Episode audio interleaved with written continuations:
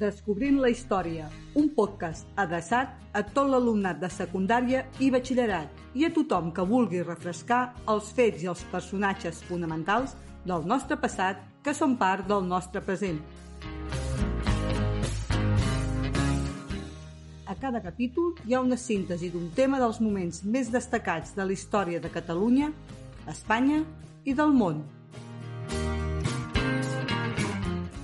Capítol 5 la Revolució Francesa. Degut a la complexitat dels fets ocorreguts a França a finals del segle XVIII, en aquest capítol em centraré únicament en el període que va des de l'inici de la Revolució, el 1789, fins al cop d'estat de Napoleó, el 1799. En el capítol següent, el 6, explicaré què passa després de que Napoleó agafi el poder fins la seva caiguda i la restauració de l'absolutisme al 1815.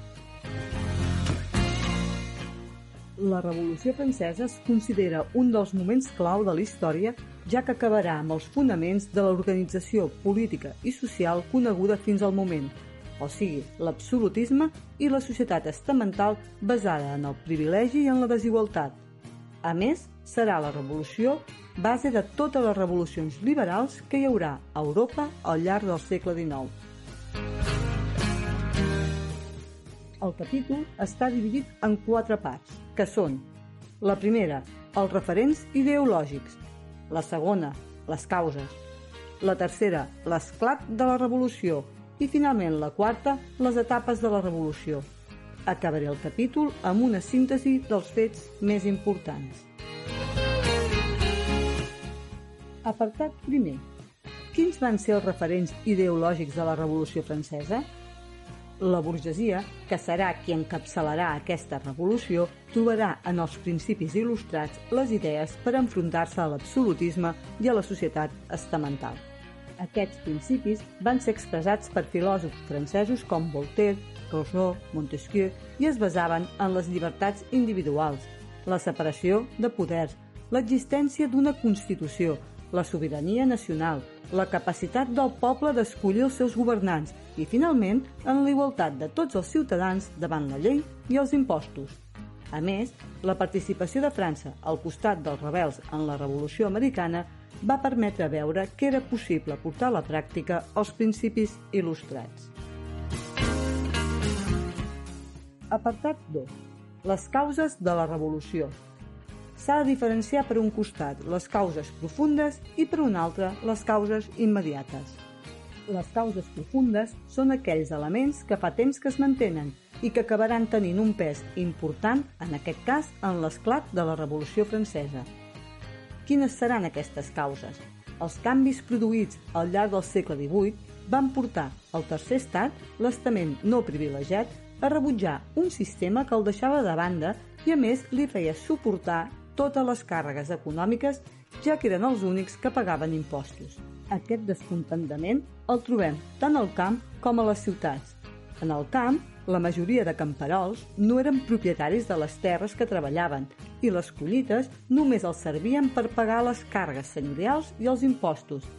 I a les ciutats, els preus havien anat pujant i els salaris dels artesans i dels obrers no eren suficients per assegurar la supervivència de les classes més baixes als camperols i als assalariats calia afegir la burgesia, que s'havia enriquit amb les manufactures i veia com aquest sistema el deixava fora de les decisions polítiques i econòmiques. Aquest sector social majoritari estava cada vegada menys còmode en un sistema que el tractava injustament. Un dels escrits que exemplifica molt bé el sentiment del tercer estat és el que se li permetrà publicar a l'abat Jacques Sieyes poc abans de l'esclat de la Revolució, el 1788. En aquest escrit es pregunta què és el tercer estat? I la resposta que dona és que ho és tot, però que no pot ser res perquè no té llibertat.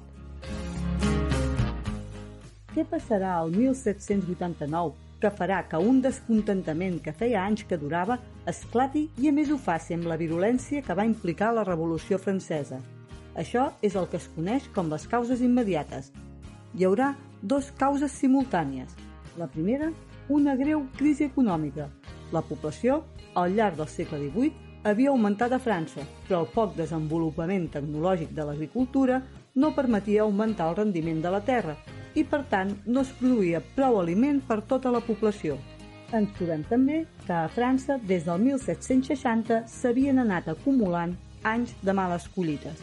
Aquests dos fets portaran a l'alça de preus dels aliments, especialment del pa, que era la base de l'alimentació popular, i, per tant, augmentarà el descontentament de la població. La segona causa, immediata, serà una crisi financera, que portarà a la fallida de l'Hisenda Reial. Què vol dir això? Vol dir que la despesa de l'estat francès és molt més alta que la seva capacitat de generar ingressos, o sigui, gasta més del que ingressa. Com s'havia arribat a aquesta situació? Al segle XVIII hi havia una gran rivalitat entre França i Anglaterra. Aquesta rivalitat farà que França participi en tots els conflictes que pugui contra els britànics. Però n'hi haurà dos que li passaran una gran factura. La Guerra dels Set Anys, del 1756 al 1763, que la deixarà pràcticament sense colònies, i la participació a la Guerra d'Independència Americana del 1775 al 1783. La inversió en aquests dos conflictes és el que farà que l'Hisenda entri en fallida. I com reaccionarà Lluís XVI davant d'aquesta fallida? Doncs envoltat de consellers de la petita noblesa i de l'altra burgesia que són il·lustrats, buscaran una solució racional, que és pujar els impostos i que aquests els pagui tothom. Això volia dir que també els privilegiats, la noblesa i el clero havien de pagar impostos. Apartat 3. L'esclat de la revolució. Aquest punt també es podria anomenar la revolta dels privilegiats i convocatòria dels estats generals. La idea dels ministres de Finances de Lluís XVI de que els privilegiats paguin impostos xocarà precisament amb aquest estament, que es negarà a fer-ho i obligaran a Lluís XVI a convocar els Estats Generals, nom que rebien les Corts de França, ja que aquest organisme era l'únic que podia aprovar una reforma fiscal. Els Estats Generals era una institució que representava el regne, on hi havia representat els tres estaments, la noblesa, primer estat, el clergat, segon estat, i el poble, tercer estat. Aquests estats generals no es convocaven des del 1614, o sigui, quasi feia 200 anys. Abans de la reunió s'havia d'escollir qui representava cada estament i a través dels quaderns de queixes cada estament feia les demandes que creia necessàries. Ens trobem, doncs, el 5 de maig de 1789, amb la reunió dels Estats Generals a Versalles, amb la següent composició, 300 diputats de la noblesa, 300 al clergat i 600 al tercer estat. El tercer estat, tot i haver aconseguit tenir el mateix nombre de representants que la suma de la noblesa i el clergat, no havia aconseguit que el rei els concedís el vot individual. Aquest fet és molt important, ja que les votacions es feien per estament. Per tant, independentment del nombre de diputats que tingués el tercer estat, sempre perdia 2 a 1, ja que l'estament de la noblesa i el clergat tenien els mateixos interessos i en les votacions votaven igual. A l'inici de la reunió, el tercer estat va exigir la reunió conjunta de tots els estaments i el vot per cap. Una persona, un vot. Davant la negativa del rei i dels privilegiats, el tercer estat, indignat, va marxar de la reunió i es van reunir a un pavelló de Versalles on es jugava la pilota i allà van fer un jurament que s'anomena el jurament del jeu de pomme, o sigui, el jurament del joc de pilota, serà un jurament polític on prometen tres coses molt importants. La primera, no deixar-se de reunir mai, per tant, queden constituïts en assemblea. La segona, representar a França. Per tant, aquesta assemblea vol ser nacional. I la tercera, el compromís de redactar una Constitució. És per això que el que surt d'aquesta assemblea l'anomenem Assemblea Nacional Constituent. La notícia del jurament del Jeu de Pom va córrer ràpidament per la ciutat. La reacció del rei davant del trencament dels estats generals va ser convocar l'exèrcit a les afores de París i va amenaçar de detenir tots els diputats. Tots aquests esdeveniments coincideixen amb la dificultat de proveir a la ciutat de gra i una pujada dels preus dels productes bàsics. Això farà que la població de París, enfadada, es llancés al carrer per defensar l'assemblea i el 14 de juliol assalten la Bastilla, presó reial i símbol de l'absolutisme. Aquesta notícia s'estén per tot França i a molts llocs hi haurà revoltes antisenyorials. Els camperols aniran als castells per agafar els documents de vassallatge i cremar-los. Aquest fet es coneix com la Gran Por, ja que la noblesa s'espanta molt. A la tardor, el poble de París, encapçalat per les dones davant la situació de pujada de preus i manca d'aliments bàsics, aniran a Versalles i obligaran els reis a traslladar-se a París. També ho farà l'Assemblea Nacional. Davant d'aquesta situació, el rei atemorit no té més remei que acceptar l'Assemblea Nacional. Apartat 5. Les etapes de la Revolució. La Revolució Francesa va ser un procés llarg i complex que va anar molt més enllà dels objectius inicials marcats sobretot per la burgesia moderada. Per una banda, tindrem un rei que intentarà per tots els mitjans boicotejar-la i una noblesa i clergat que no acceptaran els canvis. Aquests sectors privilegiats conspiraran amb les potències absolutistes europees per tal de fer-la fracassar. I per un altre costat, tindrem les classes populars que lluitaran per aconseguir una igualtat més gran que la proposada per la burgesia moderada. És per això que la revolució va passar per tres etapes. La primera etapa, la monarquia constitucional, del 1789 al 1792. En aquesta primera etapa, el poder el té la burgesia moderada i té com objectiu convertir França en una monarquia constitucional parlamentària. I com es farà? Doncs en dues parts. La primera part del 1789 al 1791, el primer que fa l'Assemblea Nacional Constituent davant els fets ocorreguts a París el 14 de juliol i les revoltes antisenyorials al camp és desmuntar l'antic règim i es van abolir tots els privilegis i els drets feudals de la noblesa i el clero i es va aprovar la Declaració de Drets de l'Home i del Ciutadà, un dels documents més importants de la Revolució Francesa. La tasca d'aquesta assemblea era elaborar una Constitució i la van finalitzar el 1791. Les característiques principals van ser França es convertia en una monarquia constitucional parlamentària. Això volia dir que hi havia separació de poders. El rei tenia el poder executiu, l'assemblea, o sigui el Parlament, el legislatiu, i els jutges eren independents. També es va establir el sufragi censatari, que vol dir que per votar s'havia de tenir unes condicions i en aquest cas eren ser home, francès, de més de 25 anys i amb un poder econòmic determinat, o sigui, els més rics. Un cop elaborada i aprovada la Constitució, el 13 de setembre de 1791 es va dissoldre l'Assemblea i els seus membres no es van presentar a la reelecció. La segona part serà a partir de l'1 d'octubre de 1791 fins al 10 d'agost de 1792. Després de les eleccions es constitueix l'Assemblea Legislativa. La funció d'aquesta assemblea serà redactar un seguit de lleis per tal d'implantar els principis revolucionaris. Per solucionar la crisi financera, van declarar les propietats de l'Església béns de l'Estat.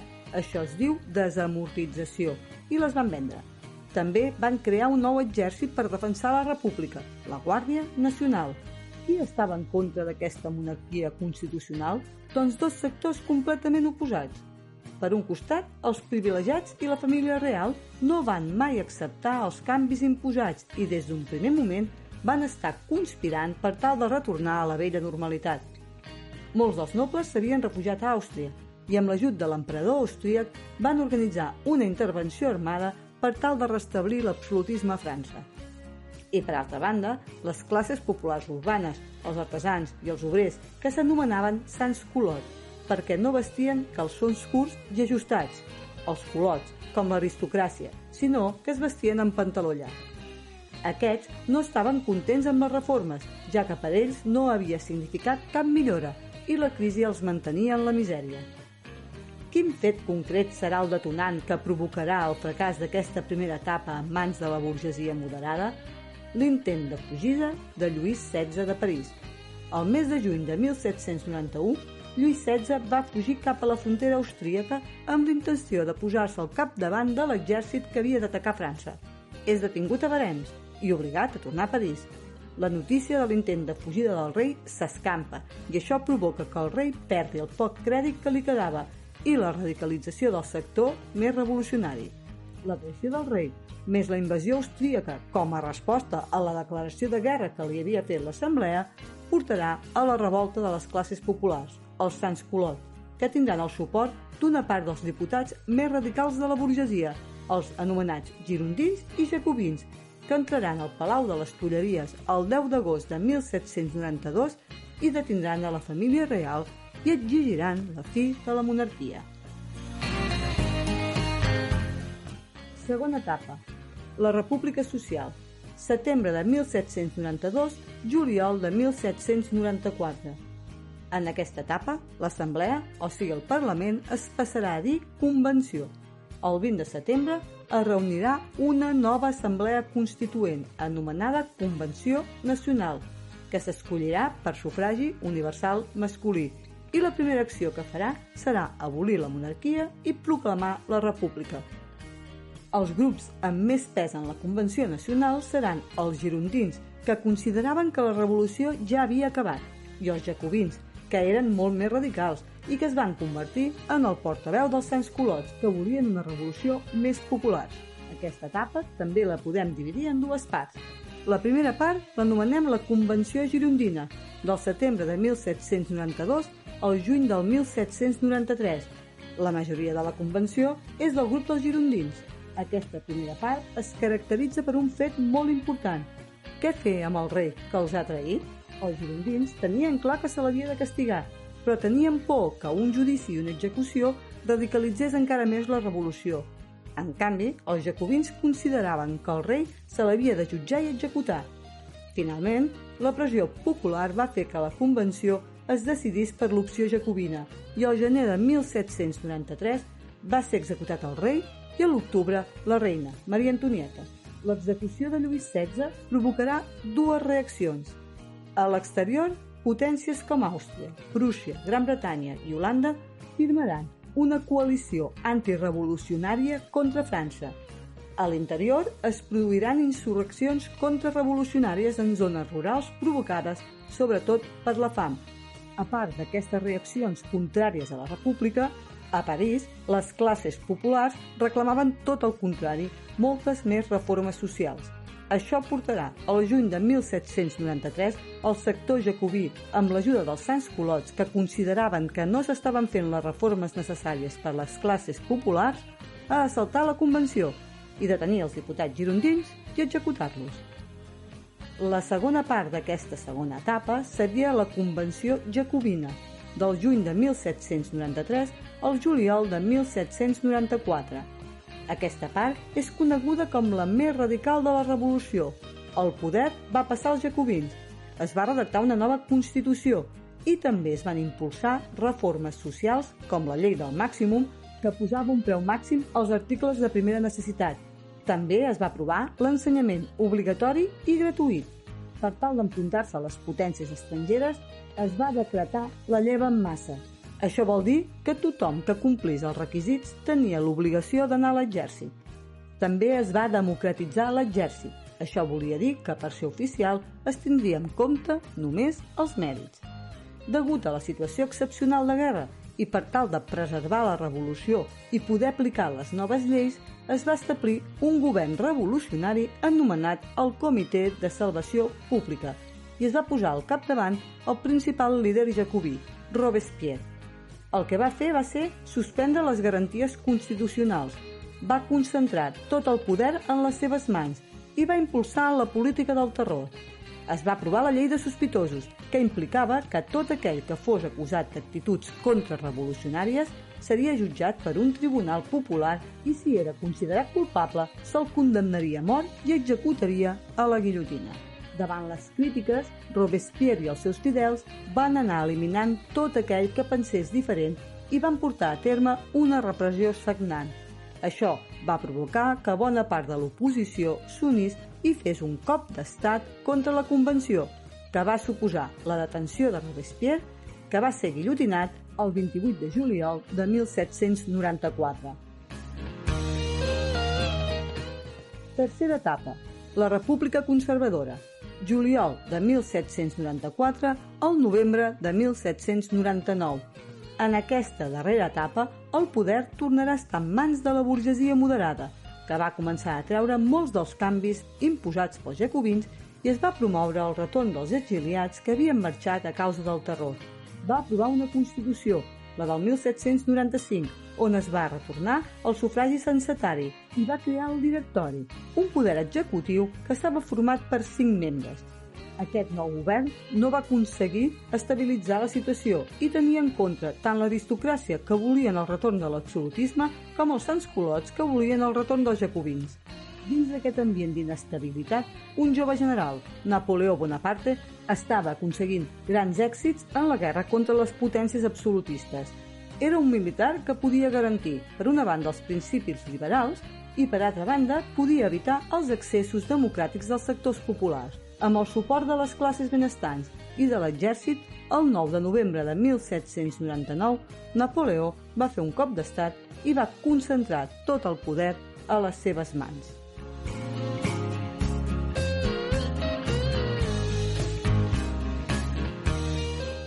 Síntesi del tema 1.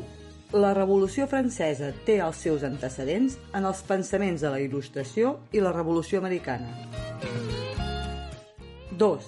Les causes de la Revolució Francesa les classifiquem en dos grups, les profundes o de llarg termini que resumeixen en les aspiracions del tercer estat a que hi hagi reformes socials i polítiques i les causes immediates que serien dues, la crisi econòmica provocada per anys de males collites que acabarà suposant un augment del preu del pa, que era l'aliment bàsic de les classes populars, i la segona, la crisi financera, provocada, entre d'altres coses, per les constants guerres on França havia participat i que va portar l'hisenda estatal a la fallida. 3. La solució que es va trobar a aquest problema per part de Lluís XVI va ser pujar els impostos i que els privilegiats també els paguessin. Aquests es negaran a pagar i reclamaran la convocatòria dels estats generals – es convoquen els estats generals i el tercer estat davant la negativa del rei a que el vot fos individual i no estamental, marxa de la reunió i es proclamen en Assemblea Nacional Constituent, o sigui, que es comprometien a que no es deixarien de reunir com a representants de França fins que no es tingués una Constitució. 4. El poble de París, per defensar l'Assemblea i davant l'enviament de tropes per part de Lluís XVI, el 14 de juliol assalta la presó reial, la Bastilla, que era considerada el símbol de l'absolutisme. Al camp hi haurà revoltes antisenyorials. És el que es coneix com la Gran Por. Davant d'aquesta situació, molts nobles pugen i Lluís XVI, espantat, no tindrà més remei que reconèixer l'Assemblea Nacional. 5 la revolució la podem dividir en tres etapes. La monarquia constitucional del 1789 al 1791, on qui té el poder és la burgesia moderada. S'abolirà el feudalisme i es redactarà la Declaració de Drets de l'Home i del Ciutadà. També es redactarà i s'aprovarà la Constitució al setembre de 1791 en aquesta Constitució, França es defineix com una monarquia constitucional parlamentària i el sufragi és censatari. Aquesta etapa acabarà pel descontentament tant dels sectors pro-absolutistes com de les classes populars, els Sants Colot. L'intent de fugida del rei cap a Àustria per comandar un exèrcit que acabi amb la revolució suposarà la detenció del rei i que es proclami la república. S'inicia la guerra amb les potències absolutistes. La segona etapa és la República Social, del 1792 al 1794. La primera part d'aquesta etapa és més moderada, on la Convenció, l'Assemblea, està en mans dels girondins, i la segona etapa serà molt més radical, on la Convenció estarà en mans dels jacobins. Marcarà aquesta etapa l'execució de Lluís XVI. El sistema polític serà la república. S'aprovaran tot un seguit de lleis socials, aquesta etapa s'anirà radicalitzant i a partir de la Convenció Jacobina, el 1793, el poder executiu estarà en mans del Comitè de Salvació Pública, que presidirà Robespierre. La finalitat d'aquest Comitè de Salvació Pública serà acabar amb la contrarrevolució. Aquesta etapa és coneguda amb el nom del terror, degut a les execucions que hi va haver, i serà precisament aquest terror, més l'actuació dictatorial de Robespierre, que portarà a l'oposició a unir-se i fer un cop d'estat i executar a Robespierre. I la tercera i última etapa de la Revolució Francesa es coneix com el Directori.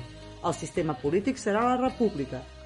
Durarà des de 1795, després de la caiguda de Robespierre, fins al cop d'estat fet per Napoleó Bonaparte amb el suport de les classes benestants i de l'exèrcit. Com a conclusió, podem dir que la Revolució Francesa és la base sobre la qual s'han anat construint les societats occidentals i molts dels elements dels sistemes democràtics actuals tenen el seu origen en aquesta revolució. Al capítol següent explicaré l'etapa napoleònica.